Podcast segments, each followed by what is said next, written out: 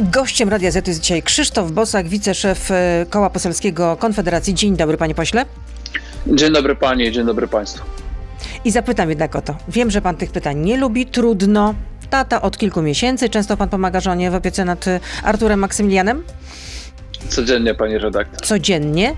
A czy co pan Tak robi? jest. Przewija, karmi No butelką? głównie, cho- cho- głównie chodzę z dzieckiem, e, kiedy potrzebuje ono po prostu towarzystwa jednego z rodziców, po to, żeby moja żona mogła także e, rozwijać się zawodowo, bo przygotowuje się do egzaminu adwokackiego. No to, to mi się podoba. Słuchacze też pytają, ile godzin pan sypia i czy wstaje pan w nocy do dziecka, czy żona sama sobie musi poradzić? Dziecko nas budzi oboje, natomiast e, tak nas Pan Bóg stworzył, że ja niestety dziecka nie mogę karmić, więc tutaj głównie do mojej małżonki praca należy. Czyli w nocy pan do dziecka nie, nie wstaje, ale y, synek dobrze sypia, czy tam daje, daje wam popalić? Jest bardzo okej, naprawdę nie możemy narzekać. Dziękuję też za zainteresowanie Pani redaktor. O, to się pan zmienił jednak. A y, planujecie z żoną jeszcze powiększenie rodziny? To są sprawy prywatne. Myślę, że naszych słuchaczy bardziej mogą interesować moje opinie polityczne. Myślę, że to jedno i drugie, bo polityk to przede wszystkim człowiek, a potem polityk. Taka prawda, zresztą jak w każdym innym przypadku. Grzegorz Braun y, jest kandydatem Konfederacji na prezydenta Rzeszowa. No, najpierw startował w 2019 roku w Gdańsku na prezydenta, teraz w Rzeszowie, chociaż jest z Torunia i nie wiem, gdzie mieszka, we Wrocławiu czy we Warszawie, nie wiem. Trochę taki spadochroniarz. Mieszka w Nadarzynie, e, A, natomiast pod Warszawą. e, jest, jest posłem z okręgu rzeszowskiego. Tam się angażuje od ponad roku, kiedy weszliśmy do Sejmu. Każdy z nas ciężko pracuje w swoim okręgu wyborczym i wybór był dość naturalny i była to decyzja naszych struktur, nie samego Grzegorza Brauna czy władz ogólnopolskich partii. E, uważamy, że żeby wygrać w Rzeszowie trzeba postawić na silnego lidera i takim rozpoznawalnym w okręgu wyborczym i w samym Rzeszowie liderem jest Grzegorz Braun. Grzegorz Braun to ultrakonserwatysta, tak można powiedzieć. Przeciwnik aborcji, przeciwnik metody in vitro, zwolennik kary śmierci, monarchista, krytyk demokracji. Z takimi de- poglądami podbije Podkarpacie?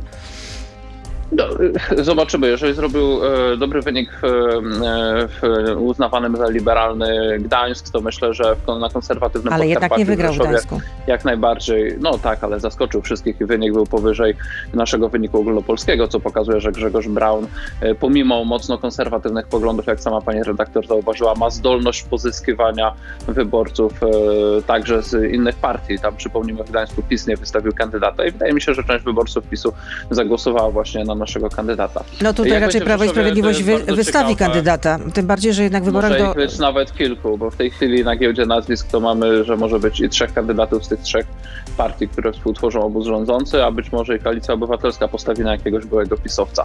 Także tam może być w Rzeszowie klęska urodzaju i Grzegorz Braun jako silna osobowość może po prostu tych pozostałych kandydatów przyćmić i myślę, że na taki efekt też e, trochę liczymy. Ale skąd ta klęska urodzaju? Że tak wszyscy po prostu chcą zawalczyć o Rzeszów.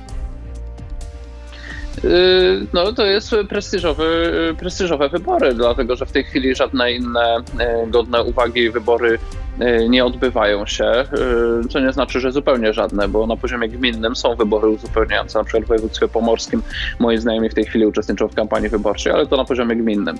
Natomiast Rzeszów jest miastem prestiżowym, przede wszystkim myślę dla obozu rządzącego, dlatego że Podkarpacie ma stereotyp bastionu PiS i każda partia, która pokaże, że jest w stanie PiSowi odbierać wyborców właśnie w Rzeszowie, pokaże swoją skuteczność jako partia opozycyjna. A Konfederacja bez wątpienia jest tutaj e, prawicową opozycją programową względem rządów Prawa i Sprawiedliwości.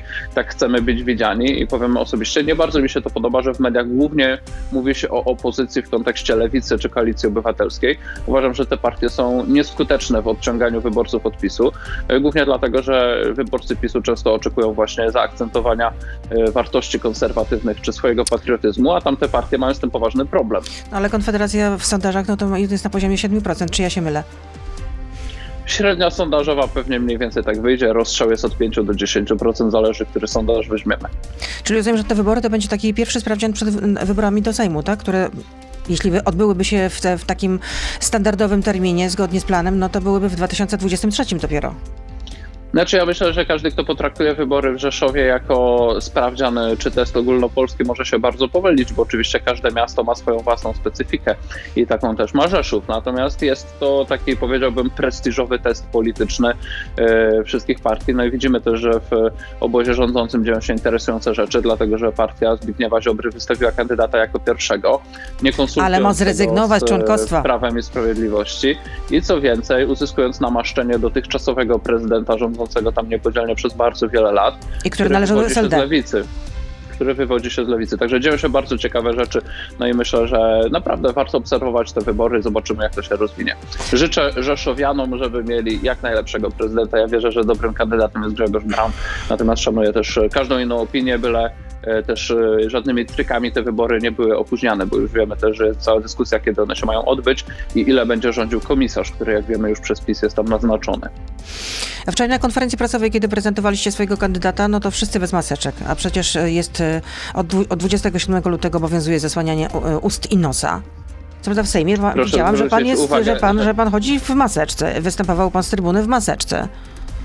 No, ja się staram stosować do obowiązujących zarządzeń, natomiast na czas konferencji prasowej zdejmuję maseczkę, robi tak wielu polityków na całym świecie, między innymi obecny prezydent Stanów Zjednoczonych.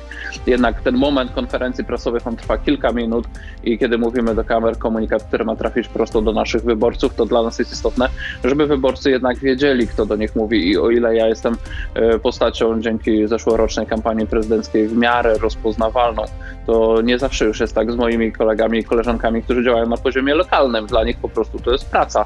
Zabiegają o to, żeby być liderami lokalnymi, żeby społeczność lokalna ich rozpoznawała.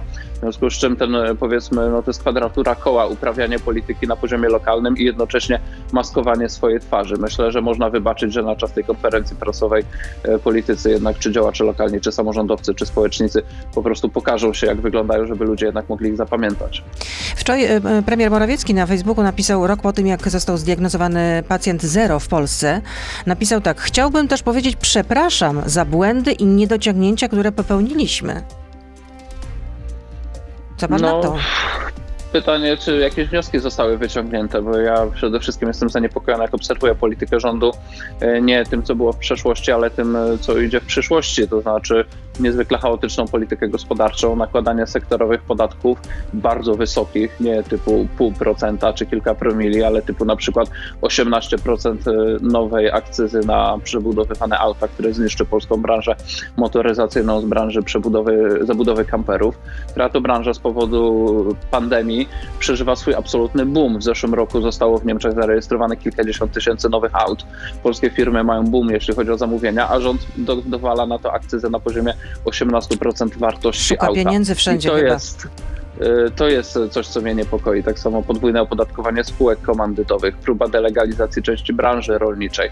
Y, to są rzeczy niepojęte. W tej chwili minister Gliński, byłem, byłem przedwczoraj w Ministerstwie Kultury interweniować w tej sprawie, proponuje kilkuprocentową podatek na smartfony, I tablety i laptopy. jeszcze. I o tym porozmawiamy to są, to Są rzeczy, to są rzeczy, które mogą naprawdę zmienić nasze życie i zniszczyć środowisko działania wielu firm.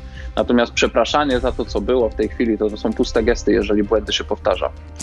I to tyle w części radiowej. Oczywiście y, Krzysztof Bosak, wiceszef Koła Poselskiego Konfederacji z nami zostaje. Jesteśmy na Facebooku i na Radio ZPL. Beata Lubecka, zapraszam. I przypomnę, że dzisiaj gościem Radia Z jest Krzysztof Bosak, jako się rzekło. Jak się pan czuje w roli znanego celebryty?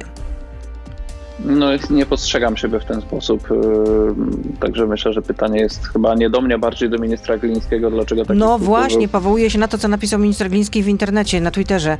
Skandal. Znany celebryta, poseł Bosak, e, lobuje za zagranicznymi koncernami, a przeciw polskim kompozytorom, pisarzom, a nawet tancerzom, mimo że sam znany jest głównie z tańca z gwiazdami w TVN. Co za niewdzięczność, napisał wicepremier Gliński i zacytował artykuł na portalu e, sponsorowany milionami przez fundację związaną z rządem, nie podpisanym nawet e, niczyim nazwiskiem. Także dziwny to standard pracy jak na ministra kultury, żeby zachowywać się jak e, taki troll internetowy i bawić się w takie niskie złośliwości. Natomiast wypowiedź no chodzi pana oczywiście o, o tą opłatę reprograficzną, rzecz jasna. Wy się sprzeciwiacie, że ta tak. opłata reprograficzna jest w ogóle niepotrzebna, jak rozumiem. Wspólnie z posłem Michałem Urbaniakiem i aplikantem radcowskim Witolem Witoldem Stochem z naszego biura analityczno-prawnego w Sejmie. Byliśmy w Ministerstwie Kultury interweniować w tej sprawie. No i co przyniosła ta interwencja? Minister... Bo może wyjaśnijmy przede wszystkim naszym słuchaczom, bo nie wszyscy muszą wiedzieć, co to jest ta opłata mhm. reprograficzna. No to jest nowy podatek, który ma być nałożony na smartfony, tablety. To się nazywa opłata laptopy i być może jakieś jeszcze urządzenia, o których się dowiemy w momencie, jak będzie projekt. Pan minister twierdzi, że opłata jest jednorazowa, natomiast jest to po prostu nieprawda. Mamy ją odprowadzać, tak jak ja rozumiem założenia projektu, dokładnie tak samo jak podatek VAT, czyli przy każdym e, kupionym urządzeniu. I ma to iść e, na cele na rzecz artystów, emerytowanych. Pieniędzy, o, no to byłoby fajnie, natomiast tak naprawdę pan minister jest w, po prostu w kontakcie z pewnymi takimi mającymi swój rodowód jeszcze w PRL, yy, przynależącymi do tak zwanych, yy, jak to mówią yy, pisowcy z pogardą, elit trzeciej RP. Ale kogo pan ma na myśli? Pan że... rzeczywiście, czytałam pańską no, wypowiedź, że, że, te, że te pieniądze trafią do establishmentu, ale kogo pan ma na myśli, że do kogo miałyby trafić te pieniądze z tego podatku, co rząd nazywa, że to jest opłata? Organizacje Zbiorowego Zarządzania A, czyli ZAIX, tak? tutaj tak, te organizacje, które w tej chwili już dostają środki, między innymi tutaj od państwa, kiedy państwo w radiu emitujecie piosenki, to oni y, dostaną teraz dodatkowe środki i pewne dodatkowe przywileje. Minister też myśli o tworzeniu jakiejś Ale instytucji. Ale tylko pan zakłada, że ZAIX te pieniądze będzie rozdzielał nie tak, jak powinien. Rzeczywiście, że te pieniądze nie trafią do Dlatego, najbardziej że potrzebujących. Poznałem w swoim życiu sporo osób zajmujących się czymś związanym z kulturą i czymś związanym ze sztuką i żadna z tych osób nie otrzymywała pieniędzy za X-u. Po prostu za X reprezentuje pewną grupę y, ludzi, ludzi tworzących głównie muzykę i, i, i czerpiących z tych tantiemów. Natomiast jest no, cała masa dostają twórców. pieniądze po prostu. No, trzeba coś stworzyć, żeby dostać pieniądze z tantiemów. No ale proszę zwrócić uwagę, że jest, jest ma, masa twórców y, i ludzie zaangażowanych w kulturę, y, którzy prowadzą lokalne zespoły teatralne, uczą śpiewu, y, zajmują się konserwacją zabytków, malują. Organizują wystawy i oni nie dostają żadnych tantiemów, bo po prostu od tego nie ma tantiemów, bo nie są w tych organizacjach albo z punktu widzenia tych organizacji nie są promowani przez duże media. Wiadomo, że tylko No ten, to może Konfederacja powinna złożyć projekt ustawy w tej sprawie, żeby poszerzyć jednak Myśmy ten katalog. Nawet przedstawili pomysł w tej sprawie, pani redaktor, w kampanii wyborczej 2019 roku szliśmy z hasłem Ale czy jest konkretna ustawa w tej sprawie, którą złożyliście, na przykład projekt ustawy, który poszerzałby katalog tych osób, które miałyby prawo do tych tantiemów właśnie y, z z tego tytułu, że na przykład takiego, są konserwatorami takiego zabytków? projektu nie przedstawimy, dlatego że nasz pomysł opierał się na tym, że takiego katalogu w ogóle nie powinno być. To znaczy po prostu każdy, jeżeli chcemy spluralizować e, mecenat, bo mówimy o problemie mecenatu kulturalnego państwa, jeżeli chcemy to spluralizować, to ten mecenat powinien być otwarty i my to zaproponowaliśmy w formie tak zwanego bonu kulturalnego. Natomiast jeżeli chodzi o problem emerytury, to my zwracamy uwagę, że jesteśmy zwolennikami pomysłu emerytury obywatelskiej. Jeżeli by wprowadzić emeryturę obywatelską, to nie byłoby problemu. Z emeryturą dla artystów, dlatego że każdy obywatel miałby jednakową emeryturę podobnej wysokości, a co by chciał, a co by chciał, to na co stać nasze państwo, a co by chciał więcej, to każdy może odłożyć sam. I uważam, że to jest uczciwe postawienie sprawy. Natomiast to, co proponuje minister Gliński z mojej perspektywy jest uruchomieniem transferu kapitału z kieszeni zwykłego Polaka do kieszeni elit artystycznych i strasznie mi się to nie podoba. Czyli rozumiem, że ceny smartfonów, telewizorów, komputerów i, i tabletów pójdą w górę jeśli ta ustawa wejdzie w życie. Minister na ten temat starannie milczy. W ogóle jest jakąś kompletną bezczelnością stwierdzenie, że ja na rzecz korporacji tutaj zalobbowałem. E, po pierwsze, wyrażenie swojej opinii przez polityka pod Ministerstwem Kultury przy wszystkich kamerach nie jest lobbyingiem, to jest po prostu normalnym uczestniczeniem w debacie publicznej. Druga sprawa to staje w obronie konsumentów, którzy nabywają tą elektronikę. Wydaje mi się, że pan minister Gliński nie ma pojęcia, jaka jest marżowość w sektorze sprzedaży elektroniki. Jesteśmy skazani na kupowanie nowoczesnych urządzeń, bo po prostu wiemy, że te urządzenia trzeba wymienić zmieniać co kilka lat po to, żeby normalnie funkcjonować, na przykład w nauczaniu zdalnym. Moja mama jest nauczycielem i w tej chwili musiała nabyć nowoczesnego laptopa i żeby coś uczniom tłumaczyć więcej, jeszcze jakiś taki tablet, na którym się rysuje jakieś wzory, tłumaczy coś. No i proszę mi wierzyć, że od ministra kultury ani ministra edukacji na to y, środków nie dostała w wystarczającej kwocie, żeby umożliwiło to nabycie tych urządzeń, a co dopiero no rodziny. Tak, bo to było 500 zł na zakup takiego urządzenia. I teraz co to jest 500 zł? I teraz jeszcze proszę sobie wyobrazić, że że trzeba będzie po prostu odprowadzić dodatkowy podatek i na przykład ta cena tych urządzeń wzrośnie o 200 czy 300 zł. No to jest i, i pytanie, dlaczego na rzecz jakiejś konkretnej grupy? Nie wiem, ja, ja na przykład interesuję się architekturą, tak? I pytanie, dlaczego na przykład muzycy mają być promowani kosztem tych, którzy pracują nad tym, żeby zachować jakieś regionalne tradycje w sektorze architektury i tworzą interesujące wizualizacje, projekty e, i, i, i w tym obszarze, albo na przykład współpracują z rzemieślnikami, którzy wykonują jakieś zdobienia, rzeźbienia, malunki i tak dalej. No dlaczego, kto tą decyzję podejmie? Ludzie z ZAX-u?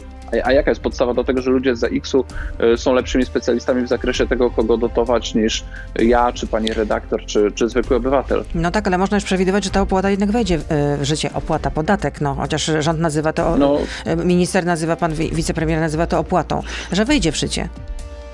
No jak wejdzie, to wejdzie. Pozostanie po prostu nam jako obywatelom wyciągać wnioski. Na razie przyznam szczerze, jestem zdumiony odpornością społeczeństwa na wprowadzanie nowych podatków e, i drenowanie kieszeni podatników e, ciągle nowymi podwyżkami. Nasze biuro Myślę, że wszystkich jednak pochłania pandemia i ludzie są jednak przygnębieni e, i zmęczeni tym wszystkim, więc pewne rzeczy po prostu siłą, siłą rzeczy umykają. Na przykład to, że płacimy coraz większe rachunki za prąd, coraz większe No to nam nie umyka i okazuje się, że jednak nie będzie żadnej rekompensaty. Tutaj wczoraj był rzecznik rządu i powiedział, że nie ma żadnych prac jesteśmy... nad jakąkolwiek no, ustawą w tej sprawie. jednego z polityków PiSu, który powiedział, że podobno Polacy już się tak wzbogacili, że nie potrzeba rekompensat. Krzysztof Tchórzewski to, naprawdę... to powiedział mam wrażenie, że odklejają się od rzeczywistości politycy obozu rządzącego. Natomiast pytanie, kiedy wyborcy wyciągną z tego wnioski. E, tutaj myślę, że po prostu na nich nie podziała żaden inny środek niż właśnie e, po prostu spadek poparcia. To jest jedyny instrument, który wyborcy i podatnicy mają w rękach. Przeniesienie swojego poparcia na inne partie. Wiem, że Polacy mają poglądy podzielone, ale naprawdę jest wybór e, od Konfederacji po Lewicę i każdy może znaleźć jakąś partię, na którą może przenieść swoje poparcie, jeżeli ta polityka podwyższania nieustannego żadnego podatku cały, się nie podoba. Cały czas liderem sondaży, odkąd tylko Prawo i Sprawiedliwość rządzi, jest Prawo i Sprawiedliwość. I to tak czasami się zmniejsza ten dystans, ale liderem nieustającym jest Prawo i Sprawiedliwość po, po, po, po ponad pięciu e, latach rządów. Taka prawda. A przy okazji to jakiej muzyki? Być może to jest ten moment, w którym demokracja miała się skończyć, który jeden z filozofów polityki opisywał, że demokracja skończy się w momencie, kiedy e, politycy odkryją, że można przykupić wyborców ich własnymi pieniędzmi. A jakie pan przy okazji słucha muzyki? Bardzo różnej. Bardzo różnej. A ulubiony zespół? Czy tam, nie wiem, wykonawca? Nie mam, nie mam w tej chwili ulubionego wykonawcy. Kiedyś jednym z wykonawców, których lubiłem słuchać, słuchać to może panią redaktor zaskoczę, była Antonina Krzysztof. Natomiast w tej chwili mam także, słucham popularnych stacji radiowych, jeżeli jakiś utwór mi się spodoba. Wyszukuję go później na jednej z platform streamingowych i patrzę, co ta platforma mi podpowie. I z reguły te podpowiedzi są ciekawe. No to czego pan ostatnio słuchał? Co pana jakoś tak urzekło? Eee, debiuty sprawdzałem. Nie, nie pamiętam w tej chwili e, wykonawców. Gościem Radia Z jest Krzysztof Bosak. Przypomnę, czy Daniel Obajtek, pana zdaniem prezes PKN Orlen powinien podać się do dymisji? W związku z tym, co przeczytaliśmy ostatnio i usłyszeliśmy na tych taśmach z 2009 roku, kiedy Daniel Obajtek był e, wójtem Pcimia, no i z tych taśm ma jednak wynikać, że miał sterować z tylnego siedzenia jako samorządowiec prywatną firmą, a nie powinien był tego robić. Czy Pana zdaniem doszło do złamania prawa, czy nie? To jest pytanie do prawników, którzy znają jakieś dokumenty w tej sprawie. Ja wolałbym tej sprawy nie oceniać na podstawie wyłącznie publikacji medialnych.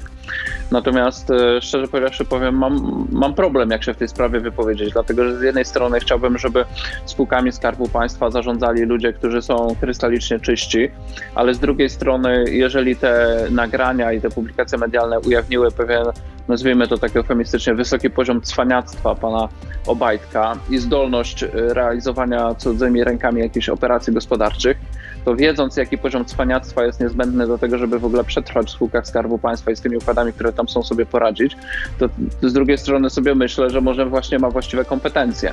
Jeżeli ja miałbym wskazywać, kiedy należy taką osobę odwołać, to raczej bym to wskazał w zeszłym roku, kiedy krytykowałem zgodę na warunki Komisji Europejskiej w, w sprawie fuzji Lotosu i Orlenu.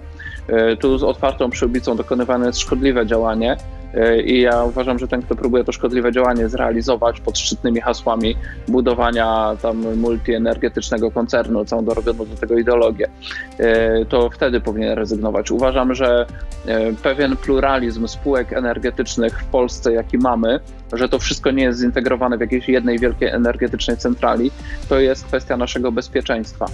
Jeżeli zintegruje się wszystko, przypomnijmy, że Skarb Państwa ma poniżej 50% udziałów w Orlenie i w tej chwili integrowanie obu polskich rafinerii i co więcej, e, zbycie zagranicznemu inwestorowi, nie wiemy jeszcze ciągle któremu, połowy lotosu, to są warunki niekorzystne. Ja uważam, że dobry prezes Orlenu na te warunki by się nie decydował, a pan Obajtek jest prowadzony swoją niepohamowaną ambicją i też chęcią zaspokojenia oczekiwań lidera partii rządzącej. I to są rzeczy dużo bardziej niebezpieczne niż to, co on robił jako wójt Pcimia. Natomiast one wynikają z tego, jakim wójtem Pcimia był i jak jest ukształtowany jako człowiek. Ale premierem już raczej nie zostanie. Ja myślę, że nigdy nie było na to szansy. Jeżeli to nazwisko pojawiło się na giełdzie nazwisk, to właśnie po to, żeby odciągać naszą uwagę od rzeczywistych kandydatów do zastąpienia Mateusza Morawieckiego. I jestem pewien też, że w tej chwili premier Jarosław Kaczyński nie myśli o zastąpieniu premiera Mateusza Morawieckiego kimś innym, bo po prostu z perspektywy Jarosława Kaczyńskiego Mateusz Morawiecki jest człowiekiem niezwykle posłusznym i całkiem dobrze sobie radzącym. A jeśli chodzi o OFE, na zdrowie, mam nadzieję, że to. Jo, jeszcze raz, na zdrowie. Przepraszam bardzo. Może w Rzeszowie pan się przeziębił. A jeśli chodzi o OFE, no bo też nas to czeka, y, to gdzie pan swoje pieniądze skieruje? Na indywidualne konto emerytalne, czy też jednak zostawi pan w ZUS-ie? Czy też przekieruje do ZUS-u? Bo y, opcja taka domyślna to jest ta, że pieniądze pójdą od razu do IKE.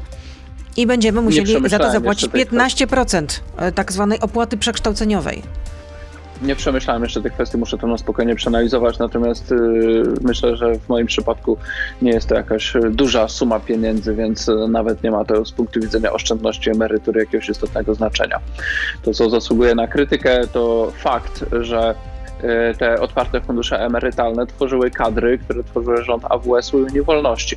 To są dokładnie te kadry, które dzisiaj tworzą y, Platformę Obywatelską i PiS. No i przecież to są ci sami politycy, którzy nam wtedy ten system zachwalali, a później na raty go likwidowali. Likwidację zaczęła Platforma Obywatelska, która w swoich szeregach miała byłego premiera Buzka, który odpowiadał za tworzenie tego systemu i w tej chwili tą likwidację dokończa, dokończa PiS. Także moim zdaniem to też pokazuje niezdolność kadr y, z tych partii do realizacji takich strategicznych projektów i też moim zdaniem fundamentalną wadę tego projektu, jakim były OFE, y, no to znaczy, że tym, kto miał Polakom gwarantować ciągłość tego projektu, byli demokratycznie zmieniający się politycy, którzy po prostu są niepoważni, którzy zmieniają swoje opinie, zależnie od tego, jaka jest koniunktura gospodarcza i polityczna. Y, no a wyborcy, w opinii polityków, to mogę zdradzić, wyborcy nie mają pamięci dłuższej niż 7 lat. I niestety to się potwierdza. To znaczy, a to są badania, czy że, że, że, ta nie, pamięć... to jest taka wiedza, wiedza pomiędzy politykami, że jak minie 7 lat, to z reguły już opinia publiczna po prostu nie pamięta. No i proszę mi powiedzieć, ilu w tej chwili wyborców, którzy są gotowi pozabijać się o to, czy PiS jest lepszy od Platformy, czy na odwrót. Pamięta, że właśnie kadry z tej partii tworzyły te OFE i, i te same kadry to w tej chwili no likwidują. Po to, żeby się pożywić tymi pieniędzmi No ja pamiętam, budżetu. jaka to była wtedy propaganda generalnie zachwalająca no przecież reklamy tworzenie OFE. Pamiętam, pamiętam. Prawda? To było na wyprzódki Była jedna reklama, mnóstwo. w której e, Polacy siedzieli pod sztucznymi palmami, bo taką wizję narysowano. Ale teraz ta opłata przekształceniowa 15%. Za co to 15%? Opłata przekształceniowa, kolejne piękne, kolejna piękna nazwa na po prostu pobór, yy, no nie wiem, nawet to nie jest podatek, po prostu to jest pobór prosto do budżetu pieniędzy. O to chodzi, o to chodzi, po to jest ta zmiana. No, w PiSie podobno liczą na to, że 50% y, Polaków zdecyduje się właśnie na tą, na, to, na tą opcję IKE i że to przyniosłoby do budżetu mniej więcej około 11 miliardów złotych. No po prostu rząd wszędzie szuka, gdzie, gdzie się da pieniędzy, bo jednak pandemia pochłania ogromne y, ilości środków, tak trzeba powiedzieć. No, no i Pandemia to jedno, natomiast y, rozbudowywane stale programy świadczeń społecznych to drugie. Wiemy, że ma być przedstawiany jakiś kolejny program przez premiera Mateusza Morawieckiego pod hasłem Nowy Ład i przecież ten program znów znów będzie musiał zawierać, e, kontynuując tą kulturę polityczną Prawa i Sprawiedliwości, jakiś element publicznego rozdawnictwa. Zwłaszcza, że wybory będzie teraz w 2021 roku, a w 2023 roku znów nas będzie czekało to samo, dlatego że PiS, żeby wygrać wybory w 2023 roku, e, wykona te same sprawdzone numery, czyli prawdopodobnie waloryzację niektórych świadczeń, być może jakiś kolejny nowy dodatek pod jakąś nową nazwą, tak żeby przypomnieć wyborcom o tym, że to właśnie swój dobry los zawdzięczają e, nie swojej ciężkiej pracy, nie inicjatywie, nie samoorganizacji społecznej, nie koniunkturze gospodarczej, tylko premierowi, rządowi i prezesowi partii rządzącej. To ma być świadomość Polaków. I ostatni set w tym gościu Radia Z, Krzysztof Bosek, będzie odpowiadał teraz na pytania słuchaczy. Pierwsze pytanie, czy poznał pan osobiście kiedyś Tomasza Greniucha, byłego szefa IPN we Wrocławiu? Tak, poznałem. Wydaje mi się, że nawet spotkałem Tomasza Greniucha na swojej pierwszej manifestacji, na której byłem w życiu, która była w rocznicę powstań śląskich e, na Śląsku Opolskim e, na Górze Świętej Anny, być może to był rok 2000 albo 2001. Nasz kontakt był bardzo luźny. W zasadzie tylko wiedziałem, jak się Tomek e, Greniuch nazywa i wiedziałem, że działa w ONR-ze przez lata. Natomiast nigdy jakaś, jakieś bliższe koleżeństwo czy przyjaźń nas nie połączyła, natomiast przez lata śledziłem jego rozwój i jego karierę. A czy uważa pan, że prezes IPN słusznie postąpił, kończąc z nim współpracę? No, z jednej strony żal e, człowieka, e, który płaci mimo już pewnego dorobku naukowego i wytonowania swojej postawy, płaci w tej chwili funkcją za, można powiedzieć, błędy młodości. Z drugiej strony, jeżeli Polski właśnie Instytut Pamięci Narodowej ma skutecznie na forum międzynarodowym reprezentować nasze państwo, także w konfliktach historycznych. Nie ma co ukrywać, są to konflikty często z nieprzychylnymi Polsce środowiskami żydowskimi, gdzie Polska jest obwiniana o współodpowiedzialność za Holokaust. To myślę, że bardzo trudno byłoby to realizować e, po tym, e, co w mediach zostało opublikowane. No ale jeśli hajlował w przeszłości, no to tego się nie da obronić. Powiedziałem pani redaktor mniej więcej to samo, troszkę innymi słowami. Bartek pyta, czy w razie nieprzetrwania koalicji yy, Zjednoczonej Prawicy jest możliwa współpraca Konfederacji z Solidarną Polską? Ja myślę, że rozsądna partia, która chce realizować swój e, program, nie wyklucza współpracy z nikim. Natomiast e, też nie widzę żadnego powodu, żebyśmy jakąś jedną konkretną partię wyróżniali. W moich oczach w Solidarnej Polsce jest sporo wartościowych ludzi, polityków mniej więcej w moim wieku, którzy mają przekonania prorynkowe i konserwatywne i suwerenność naszego państwa, czy jego przyszłość energetyczna e, są dla nich istotne. Natomiast e, co oni przez ostatnie pięć lat robią na zapleczu rządu Prawa i Sprawiedliwości, który realizuje zupełnie odmienny program, to ja nie wiem. Ja kiedy spotykam takich ludzi, których uważam za rozsądnych, którzy są na zapleczu PiSu, zawsze ich pytam, ile jeszcze jesteście w stanie firmować ten rząd? Przecież on realizuje program odmienny od tego, w co wierzycie. Pamiętam, jak tylko wszedłem do Sejmu... Nic tak nie łączy jak władza, który, nic tak nie łączy jak władza. Który wszedł z list PiSu i, i pytam, jak tam, a on mówi... E, mówi, to, to, to, to, to jest kompletny socjalizm, co oni robią. I oni to był jego rząd. Ostatnio rozmawiałem z innym posłem z PiSu i mi mówi, opowiada jakieś rozwiązania, które uważa za szkodliwe i mówi do mnie z przyjęciem, oni to zrobią, oni to zrobią. I mówił o ekipie Mateusza Morawieckiego. Także proszę mi wierzyć, że poziom rozwarstwienia w tej chwili pomiędzy częściami, częścią posłów PiSu a tym, co robi rząd, jest ogromny. Natomiast ci ludzie, być może też w wyniku częściowego zaszczucia medialnego, nie podejmują decyzji o opuszczeniu PiSu. Y, być może w wyniku oportunizmu, nie chcę też ich idealizować, po prostu być może część z nich jest po prostu karierowiczami. Mm, więc tak naprawdę moim zdaniem, póki ktoś nie wykona jakiegoś takiego gestu, który coś kosztuje. Ja przypomnę, że to, że nie poszedłem do PiSu czy do Platformy kosztowało mnie 12 lat poza parlamentem, e, kiedy nie zrobiłem żadnej szczególnej kariery, co jest mi w tej, w tej chwili wytykane, nie zdobyłem żadnych wysokich stanowisk, nie zarobiłem dużych pieniędzy. I nie skończył pan pracowałem studiów? sobie pracowałem sobie na poziomie społecznym, robiłem to w co wierzę. E, spotykałem się z tymi ludźmi, których uważam za ideowców i z takimi starałem się pracować. Natomiast jeżeli ktoś chce być na tej karuzeli stanowisk od dyrektora do głównego specjalisty, od głównego specjalisty do członka Rady Nadzorczej Spółki Skarbu Państwa, od zarządu Spółki Skarbu Państwa do wiceministra, no to nie ma rady. Trzeba e, w tych drzwiach obrotowych między PiSem, Platformą, a być może w tej chwili partią Hołowni gdzieś tam przeskakiwać, czy PSL-em. I jest grupa takich polityków, proszę obserwować uważnie, którzy już byli w PiSie, już byli w Platformie, teraz są w PSL-u, być może jeszcze będą u. I to jest naprawdę karuzela stanowisk. W Wielkiej Brytanii mówi się, że są obrotowe drzwi pomiędzy partiami, a pomiędzy City. My w Polsce to mamy obrotowe drzwi między spółkami Skarbu Państwa, fundacjami i tymi partiami parlamentarnymi. A czy wspólny start Solidarną Polską w przyszłej kadencji, yy, znaczy przed yy, następnymi wyborami do parlamentu byłby możliwy? Bo ostatnio był tutaj Janusz Kowalski, też zdymisjonowany wiceminister aktywów państwowych Solidarnej Polski, mówił, że no nie można tego wykluczyć, że a może tak. Uważam to za bardzo mało prawdopodobne ale nie można tego wykluczyć w 100%. No wykluczyć to nie można niczego. Konfederacja chce rosnąć i, i, i wiadomo, że rośnie się w polityce poprzez przyciąganie konkretnych kadr, przyciąganie ludzi, którzy mają podobne poglądy takie jak my i czasem rośnie się także poprzez jakieś alianse polityczne. Sama Konfederacja swoją strukturą pokazuje, że jest aliansem politycznym. Przypomnijmy przecież w poprzednim sezonie wyborczym partia Korwin, partia Ruch Narodowy i środowisko Grzegorza Brauna wystawiały trzy wzajemnie wykluczające się konkurujące listy wyborcze.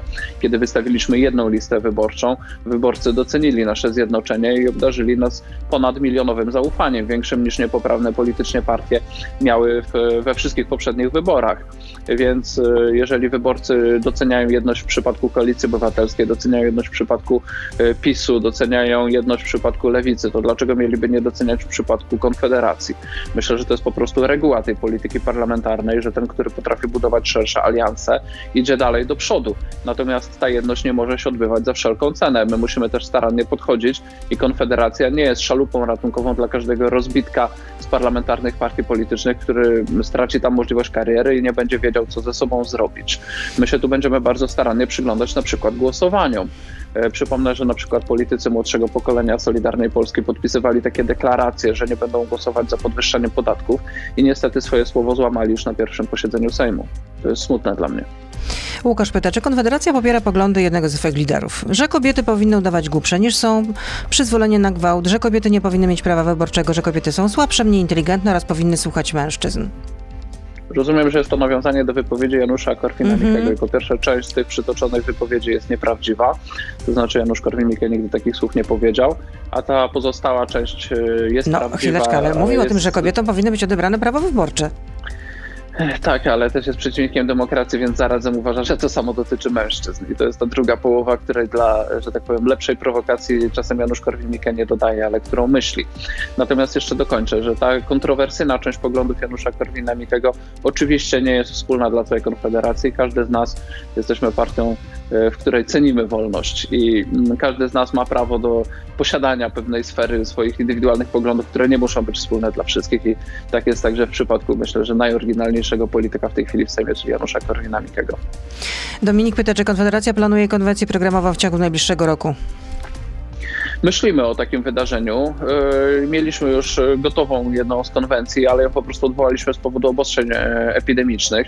W zeszłym roku nawet chcieliśmy zrobić taką konwencję, natomiast po prostu w momencie, kiedy okazało się, że właściciel obiektu się najzwyczajniej w świecie boi wynająć nam ten obiekt, że będzie miał interwencję i tak dalej, no to z tego zrezygnowaliśmy, bo jednak jest pewna granica rozsądku i też racjonalności wydatków finansowych. Zrobienie konwencji, która ma taki rozmach, jakiego współcześnie ludzie oczekują od parlamentarnych partii politycznych i e, którego Państwo jako dziennikarze też od nas oczekujecie, żeby w ogóle zawiesić swoje oko na naszym przekazie, to musi się tam świecić światło, musi być, prawda, jakaś przestrzeń zaaranżowana i to wszystko kosztuje i my też staramy się oszczędnie podchodzić, więc póki te e, obostrzenia nie zostaną uchylone i nie będziemy mogli normalnie, legalnie spotkać się ze swoimi członkami, sympatykami na jakiejś większej sali, to ja myślę, że będziemy jeszcze wyczekiwać i w tej chwili komunikujemy się głównie przez internet ze swoimi strukturami. Łukasz pyta, czy jest pan w stanie przyznać, że do żołnierzy wyklętych należeli też y, bandyci, zbrodniarze jak Ogień, Łupaszka, Bury, Grot, Klinga i hitlerowscy kolaboranci tacy jak Tom i Brygada y, Świętokrzyska? Czy wymazujecie historię, gdy jest to niewygodne dla waszej formacji? Y, nie wymazujemy historii, jak jest nam wygodne. Historia wymaga rzetelnego opracowywania, także jeżeli są jakieś ciemne karty historii, to historycy są po to, żeby docierać do prawdy i żeby to opisywać. Natomiast mamy do czynienia z takim zjawiskiem, że motywowani ideologicznie y, publicyści, dziennikarze czy politycy, a czasem niestety nawet historycy, dobierają pewne fakty pod tezę.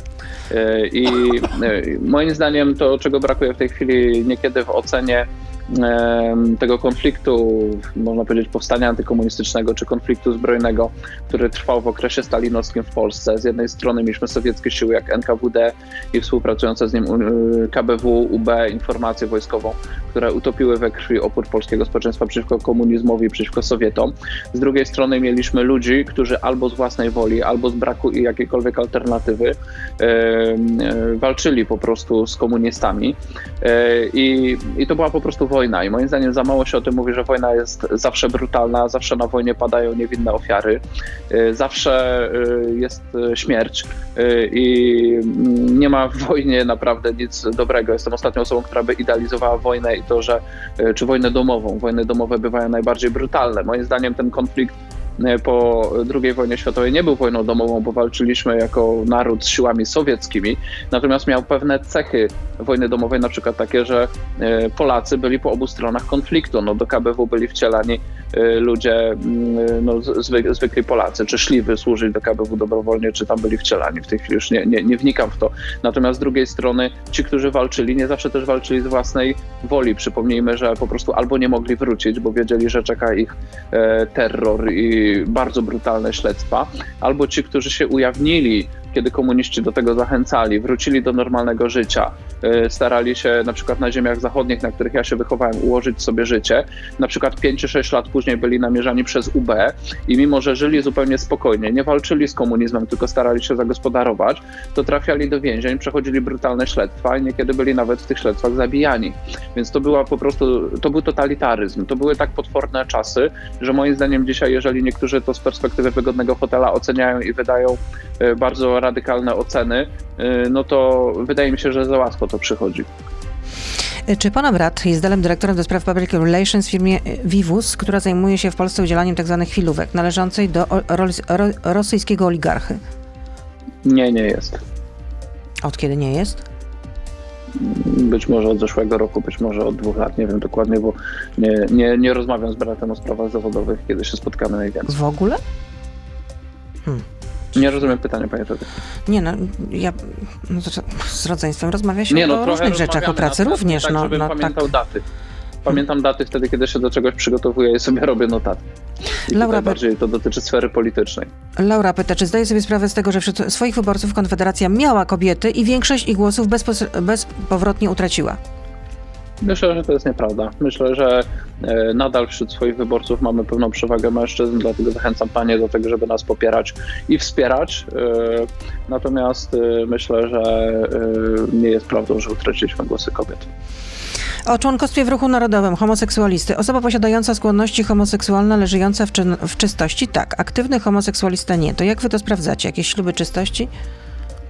Niczego nie sprawdzamy, nie ma żadnej potrzeby sprawdzać. Jeżeli ktoś e, prowadzi normalne życie, to po prostu sobie działa z nami i się nie interesujemy jego sferą seksualną. Natomiast jeżeli ktoś ze sfery seksualnej próbuje robić e, temat publiczny, no to wtedy e, nie chcąc wcale, ale i tak się o tym dowiemy, tak? Natomiast takiego problemu w ogóle nie ma, jaki pani poruszyła e, w mediach, bo po prostu ludzie, którzy chcą ze swojej seksualności robić temat publiczny, e, nie szukają swojego miejsca w takich partiach jak Ruch Narodowy, tylko na przykład na lewicy.